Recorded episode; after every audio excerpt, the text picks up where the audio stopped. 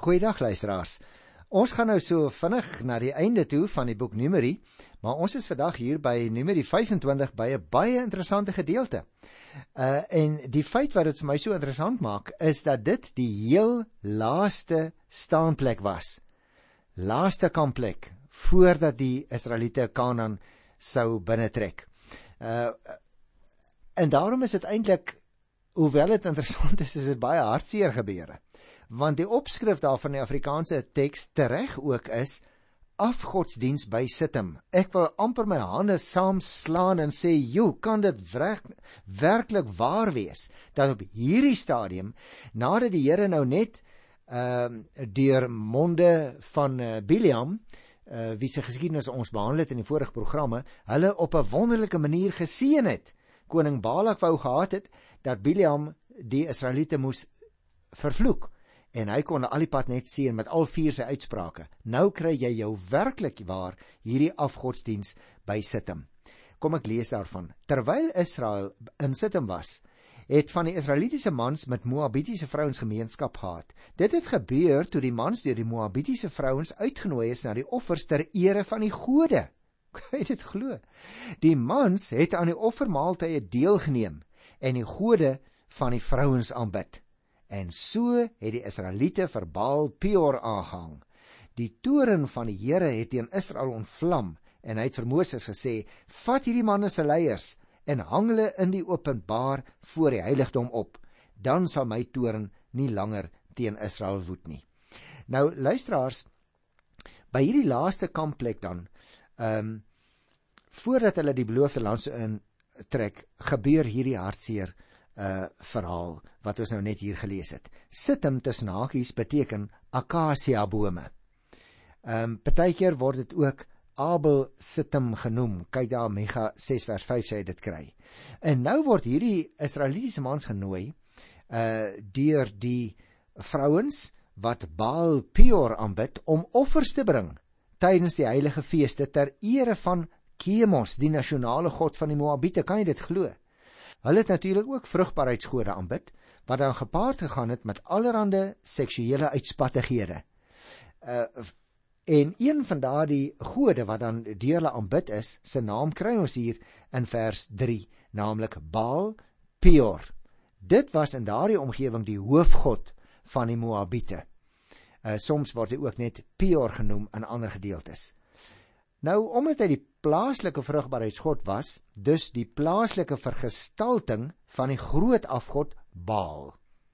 Dat die Israeliete hom aangehang het, staan hier, hou in dat hulle deelgeneem het aan die rites vir die aanbidding van hierdie afgod. En dit moes 'n verskriklike teleurstelling seker vir die Here ook gewees het as ek dit so mag uitdruk. Want die ouens wat genooi word is die leiers. Die leiers word as verteenwoordigers van die volk opgehang voor die mense wat daaraan deel gehad het. En die presiese wyse waarop die straf uitgevoer is, dit bly vir ons uh, onseker. Ons weet nie presies hoe dit plaasgevind het nie. Uh, interessant wel dat die werkwoord wat hier gebruik word word ook in 2 Samuel 21 uh 3 keer gebruik ten opsigte van Saul se seuns uh wat ook gestraf is. Waarskynlik is die liggame uiteindelik nie begrawe nie maar aan die aan die son blootgestel. En nou lees ons hier van die 5de vers af. Moses het toe vir die stamhoofde van Israel gesê: "Julle moet elkeen van julle eie manne wat vir Baal Peor het aangehang het, doodmaak." Nou die stamhoofde was nou belangrik en hulle moes die vergelding op die individuele oortreders voltrek. Elke afdeling van elke stam het naamlik sy eie hoof gehad. Wat nou hier beskrywe word in vers is 'n soortgelyke insident uit dieselfde tyd wat van tevore ook plaasgevind het. Uh, ek gaan nou nie daardie uh, gedeelte nou hier lees nie want dit was so sal jy nog onthou ehm um, Eleazar uh die vader van Pinias uh uh waar daar ook 'n soortgelyke gebeurtenis plaasgevind het voortge voorheen in die geskiedenis maar ek wil nou maar liewer net by hierdie gebeure bly waarmee ons nou hier te maak het. Ek sien ons dan in vers 16 Die Here het vir Moses gesê: "Julle moet die Midianiete as julle vyande beskou en hulle doodmaak, omdat hulle vyandig opgetree het teen julle. Hulle het julle verlei deur julle in die struik te laat trap van Baal Peor en van hulle landgenoot Kosbi, 'n Midianitiese stamhoof se dogter wat doodgemaak is toe die ramp julle oor Peor getref het. So ons sien baie duidelik uh, broers en susters dat die Here vir hulle baie ernstig uh nie net bestraf nie, maar ook straf. Mens verstaan eintlik nie hoe dat so iets kon gebeur op daardie stadium in die geskiedenis nie, maar nou wil ek dadelik vir jou sê, 'n mens kan ook nie verstaan waarom hierdie soort van dinge dikwels in ons lewens wat die Here ook ken, gebeur nie. Maar dat die Here straf daaroor uitdeel, dit is verseker so. Nou luisteraars, ons het hiermee gekom aan die einde van die tweede groot hoofdeel van die boek Numeri. Die eerste deel het gehandel uh oor die voorbereiding vir die reis en jy sal onthou dit was hoofstuk 1 vers 1 tot by hoofstuk 10 vers 10. Die tweede was 'n lang gedeelte van 10 vers 11 af tot uh by hoofstuk 25 se einde, naamlik 25 vers 18. En dit het dan die reis deur die woestyn beskryf. Nou kom ons by die laaste gedeelte van die boek Numeri en dit is nie lank nie. Ehm um, dit handel hier oor daai tweede geslag mense met ander woorde hulle wat nou in die woestyn gebore is wat nou besig is om voorbereidings te tref om die beloofde land in te gaan. En ek wil daar dadelik daarmee begin hier by hoofstuk 26. Die opskrif is tweede sensusopname. Mag ek ter inleiding enkele opmerkingies maak. Jy sal onthou luisteraars dat die Israeliete wat uit Egipte weg is, by Sinaï getel is en hulle is ook in 'n bepaalde kamporde opgestel. Maar nadat hulle verskillende regulasies oor die priesters in die tabernakel van die Here ontvang het, het hulle toe van Sinai af begin wegtrek. Die volk het egter herhaaldelik in opstand gekom teen die Here en daarom het die Here bepaal dat daardie hele geslag eers moes uitsterwe alvorens hulle in die beloofde land sou ingaan. Nadat dit so gebeur het, was 'n nuwe geslag gereed om nou die land in te trek. Met hulle word dan nou bykans identiese voorbereidings as met die eerste geslag getref. Hulle word ook getel en hulle ontvang ook voorskrifte oor hoe hulle God moet aanbid. Nou mag dit dalk vir ons klink na duplisering, maar onthou dit is nou 'n totaal nuwe geslag mense wat nou hier op die verhoog verskyn. En daarom word daar nou vir 'n tweede keer 'n sensus gehou, want die vorige geslag mense is dood uh, en nou is 'n sensusopname baie belangrik. Met die eerste sensus, sal jy miskien onthou, is die mense ingedeel in gevegseenhede vir die verdere opmars wat voorgelê het. Nou met die tweede telling, uh, is hulle voorberei om die land oos van die Jordaan rivier te gaan verower. Dit was egter nie 'n alledaagse leermag nie hoor, maar een wat met God as hulle aanvoerder aan hulle sy opgeruk het. Ek dink dit is belangrik dat ons op hierdie punt net weer vir mekaar moet sê luisteraars, die Here oorwin wel deur sy groot krag. Hy skakel egter nie mense uit sy planne uit nie. Hulle het ook hulle volle aandeel van verantwoordelikheid wat hulle moet dra. Hulle moet goed georganiseerd wees, hulle moet opgelei wees, hulle moet steeds hulle insette bly lewer. Die verskil is net dat hulle kan doen wat van hulle verwag word met die gemoedsrus dat hulle nie alleen staan in hulle groot taak nie. Die Here is by hulle. Hy gee vir hulle die rigsteen vir hulle werk. As ons nou na Hosea 26 gaan kyk, dan moet ons onthou na al die jare in die woestyn, beveel die Here nou weer 'n keer vir Moses om om sy uh, volk te tel. Die doel was weer eens net om te bepaal hoeveel mans daar in die volk was wat gereed was en in staat was natuurlik om te veg. Al die Hebreërs wat uit Egipte vertrek het, is in die eerste volkstelling ook getel. Kom ons kyk nou hier by die eerste vers van Numeri 26. Na die ramp, dit is nou die ramp van die straf vir hulle afgodsdiens by Sittim. Na die ramp het die Here vir Moses en vir Eleazar, die seun van die priester Aaron gesê: "Neem 'n sensus op van die hele volk Israel." Van elke Israeliet van 20 jaar en ouer wat vir militêre diens geskik is. Julle moet dit familiewys gedoen. Jy sal onthou luisteraars, dit is net soos wat hulle dit die vorige keer ook sou gedoen het. Moses en die priester Eleazar het toe in die Moabs vlakte reg oor Jerigo aan die Jordaan die opname gemaak van almal van 20 jaar en ouer soos die Here vir Moses beveel het. Hier volg nou die opgawe van die Israelitiese families wat uit Egipte gekom het. Nou luisteraars, ek wil hê dat julle dit liewer self sal lees hier van vers 5 af, want dit is nou net die name en ook die getalle wat nou teenwoordig was op hierdie stadium. Ek gaan net die samevatting lees by vers 63. Daar staan: Al hierdie mense is getel deur Moses en die priester Eleazar in die Moabs vlakte reg oor Jerigo. Onder hulle was daar egter niemand van die Israeliete wat deur Moses en die priester Aaron in die Sinaï woestyn getel is nie. Natuurlik sal dit so wees, want onthou hulle is almal dood.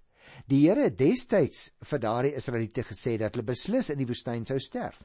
Nie een van hulle het toe oorgebly nie, behalwe Caleb, die seun van Jefune en Joshua, die seun van Nun. En jy sal onthou, uh, luisteraar, dat dit ook die twee manne was wat teruggekom het en 'n positiewe verslag kom lewer het oor die land Kanaan. Dit was net Caleb en Joshua wat gesê het dit is nie net 'n goeie land nie. Hy is nie net baie vrugbaar nie, maar ons kan die land verower. Die ander ouens wat die verkenners was, het 'n negatiewe berig gebring en daarom is hulle en die volk wat hulle aangehang het almal uh dood in die woestyn. En nou op hierdie belangrike kritiese punt. Ek wil amper vir jou sê hierdie waterskeidingsoomblik in die geskiedenis van oud Israel wat die land gaan intrek word nou weer verwys na Caleb en Joshua. En ek dink die mense het seker toe hulle name deur Moses genoem is met bewondering na hierdie twee broers van hulle gekyk wat nou al ou mans moes gewees het, nê? Wat saam met hulle die beloofde land gaan intrek, want jy sal onthou dat selfs Moses en Aaron nie toegelaat is om in te trek nie. Hoekom nie? Omdat hulle met 'n rots moes praat en toe het hulle die rots geslaan sodat daar kon water uitkom met hulle kieries. En die Here toe gesê: "Nou omdat julle nie in die fynste besonderhede uitgevoer het wat ek julle beveel het nie, daarom sal julle ook nie in die land intrek nie." Nou kry ons egter hier 'n baie interessante ek wil amper sê 'n invoegsel, 'n reëling wat nou gemaak word ten opsigte van uh die erfreg van vrouens. Ek gaan ter inleiding net daaroor eers so 'n bietjie oorsig gee. Want jy sien in ooreenstemming met die getalle van die tweede sensus het Moses die land onder die volk verdeel en aan elkeen eiendom gegee. Jy kan maar gaan kyk daar by hoofstuk 26 by vers 53. Ek het dit nou nie gelees nie, maar elke stam het nou grondgebied gekry wat hulle gaan kry wanneer hulle in die beloofde land aangekom het. Nou tydens die sensus het dit toe nou uitgekom dat Selofgat uit die Manasse familie geen seuns gehad het nie. Hy het net 5 dogters gehad. Hulle kon dus geen eiendomsreg kry nie. En die dogters van die man met die vreemde naam Selofgat het en nou vir Moses gaan vra, hoorie maar maar is dit nie moontlik dat ek dalk uh, my my pa se besittings kon kry nie, aangesien daar geen broers is nie. En daarop het die Here nou vir Moses gesê dat 'n dogter haar pa se erfporsie kon kry as daar geen seuns in die familie is nie. Miskien moet ek dit net so lank lees daardie 'n uh, enkele sinnetjie in Hosea 27 by vers 8 sê vir die Israeliete As iemand sterf en hy het nie 'n seun nie, moet julle met sy grond, moet julle sy grond aan sy dogter gee. Die dogters, luisteraars, kon dit egter slegs behou indien iemand uh uit hulle stam met hulle sou trou. Ek uh noem dit vir jou hier omdat ons dit eers heelwat later uh teen die einde van Numeri kry by Numeri 36 vers 5 tot 12. Dit gaan dus hier beide in Numeri 27 en ook die eerste klompie verse in uh, hoofstuk 36 albei oor die dogters van Salofgat. En in 'n sekere sin omraam dit ook die gedeelte waarmee ons besig is. Nou as 'n mens nou kyk na hierdie bepaling uh, wat uh, Moses hier maak, dan besef jy maar net hoe groot die genade van die Here was. Dit gaan dus oor die dogters as erfgename en oor die erfgename van iemand wat kinderloos gesterf het. So die feit dat dit hier nou spesifiek uh, rondom die persone van Salofgat uh, handel, uh, is nie vir ons van ingrypende belang nie, want die bedoeling daarvan is maar net dat ons moet verstaan die Here maak voorsiening. Maar nou is daar ook 'n interessante uh gedeelte teen die einde van die hoofstuk van vers 12 af. Joshua word nou aangewys as Moses se opvolger. Nou ek dink dit is 'n baie belangrike gedeelte en ek wil dit graag met julle in die res van die program bespreek. Want uh, Moses wou natuurlik sorg dat daar iemand was wat na sy dood sy plek sou kon inneem en sy werk sou kon doen. Daarom het hy nou die Here gevra om vir hom 'n op, opvolger aan te wys. Die Here het nou vir Joshua aangewys. En Joshua het by Kades gunstig getuig van tevore oor die land wat hy en die ander manne gaan verken het. Jy sal dit nog onthou. Uh Joshua uh het die gesag en het ook die vermoë gehad om die volk te lei. En daarom word hy nou deur die Here aangewys. Ek gaan nou net die teksgedeelte lees. Ek vertel dit net eers. Hy was veral bekwam luisteraars in militêre sake. Hy sou God se volksmag kon lei sodat hulle die nuwe land kon verower. God se gees was op hom. Hy en die priester Eleazar sou baie nou moes saamwerk. God sou nie direk met Joshua praat soos wat hy van tevore met Moses gepraat het nie. Hy sou egter wel deur die Urim en die Thummim, jy onthou nog, dit was 'n 'n vierkantige blokkie wat hulle gebruik het om 'n ja of 'n nee antwoord te kry as die wil van die Here nie vir hulle baie duidelik was nie. Dit sou hy uh, kon gebruik. So kom ons uh, lees nou hier van vers 12 af en dan bespreek ons dit so 'n bietjie meer in detail. Die Here het vir Moses gesê: "Klim teen Abarimberg uit en bekyk die land wat ek aan die Israeliete gaan gee." Nou volgens Deuteronomium 32 was Nebo die spesifieke uitkykpos. Met ander woorde, dit was die Abarim gebergte kan ons eintlik sê deesdae, maar een van die spesifieke punte was berg Nebo. En dit is waar uh, ons ook in Deuteronomium lees Moses moes uitklim Deuteronomium 32 vers 49 om presies te wees. Nou van sulke bergspitse af kon die hele Palestina in 'n sekere sin gesien word.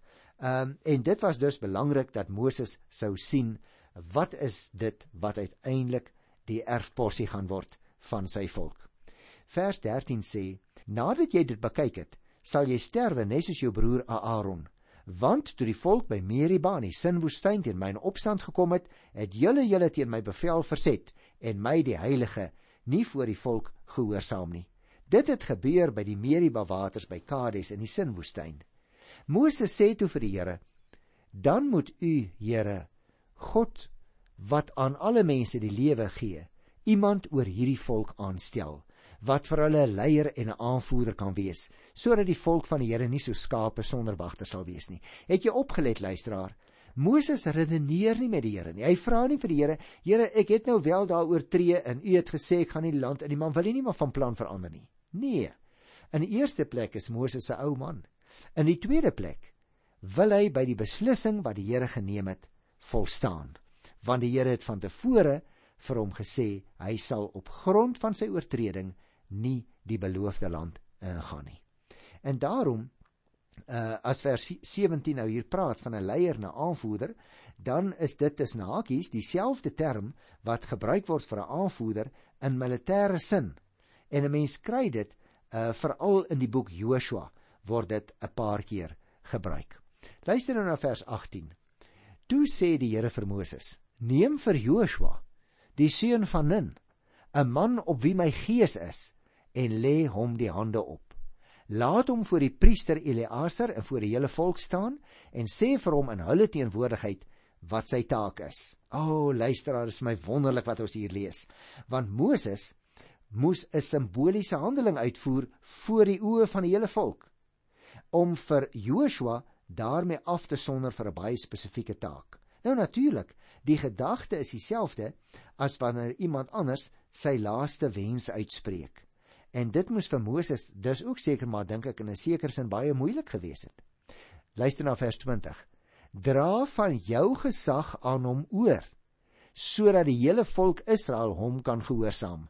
Nou luisteraars, ek dink dit was belangrik hierdie simboliese handeling dat soos wat die uh, volk nou kyk na hulle ou leier Moses, hoe dat hy nou uh, vir Joshua roep, voor hom laat staan en sulke simboliese handelinge uitvoer. Want jy moet onthou hierdie soort handelinge het plase vind uh destyds maar vandag natuurlik ook nog veral in kerklike uh, opsette, byvoorbeeld by die ordening van 'n leraar of 'n pastoor, sonder om daarmee te kenne te gee dat so 'n persoon voortaan oor eienskappe sal beskik wat hy van tevore nie gehad het nie. So dit is bloot 'n baie sinvolle simboliese handeling, maar nuwe gawes word nie noodwendig in iemand ingegiet nie. Luister na vers 21. Maar hy moet altyd die priester Eleazar raadpleeg dat die vir hom met die Urim beslissing by die Here kan vra. Alleen op Eleazar se bevel sal Joshua en die hele volk Israel vir oorlog kan optrek en van die oorlog af terugkom. Dis belangrik dat ons dit opmerk hier in die Bybel want jy sien Moses het direkte omgang met die Here gehad. Jy onthou nog die Bybel het dit vir ons vertel in Numeri 12 daarvan vers 7 af en ook in Eksodus 33. Maar Joshua sal deur die bemiddeling van die hoë priester Eleazar die Here se wil te, te wete moet kom. Hy die Here het nie met hom gepraat soos wat 'n man praat met jou vriend nie. Soos wat hy van tevore met Moses gedoen het nie. Dit bring ons dan by vers 22. Moses het gedoen wat die Here hom beveel het.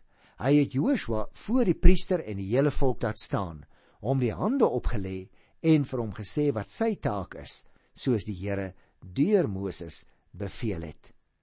En daarmee luisteraars kom ons aan die einde van hoofstuk 27. Ons gaan natuurlik later nog baie met Joshua te maak kry, maar op hierdie punt wil ek nou graag vir jou ietsie van hom vertel want hy is oorspronklik Hosea genoem.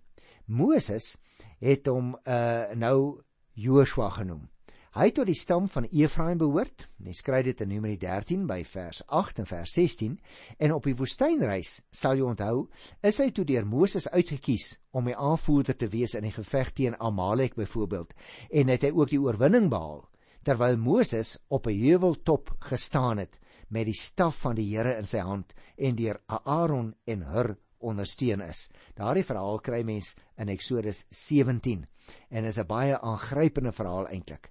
Met ander woorde, Joshua het alreeds vroeg in sy lewe 'n belangrike rol gespeel juis onder die leiding van hulle ou groot en beroemde leier Moses self.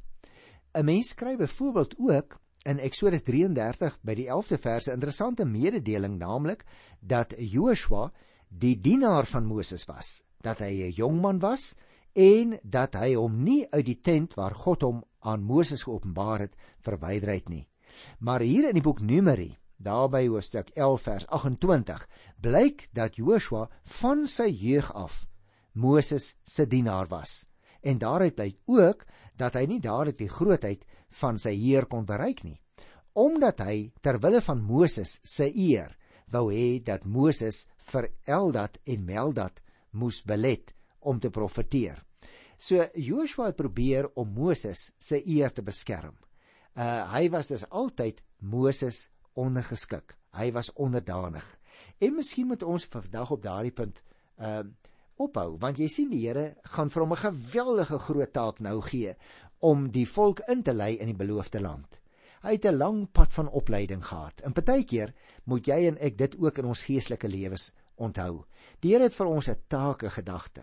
Ons gaan dalk eendag miskien oupas en oumas wees en daarom moet ons hierdie pad van geloofsgroei loop dat ons instrumenteel in die Here se hand kan wees. En dit is wat met hierdie simboliese handeling as ware inseëning van Joshua op hierdie belangrike punt in die geskiedenis gebeur. Luisteraars, ek groet julle dan in die wonderlike naam van die Here wat self ons groot leier is, die goeie herder. Tot volgende keer. Totsiens.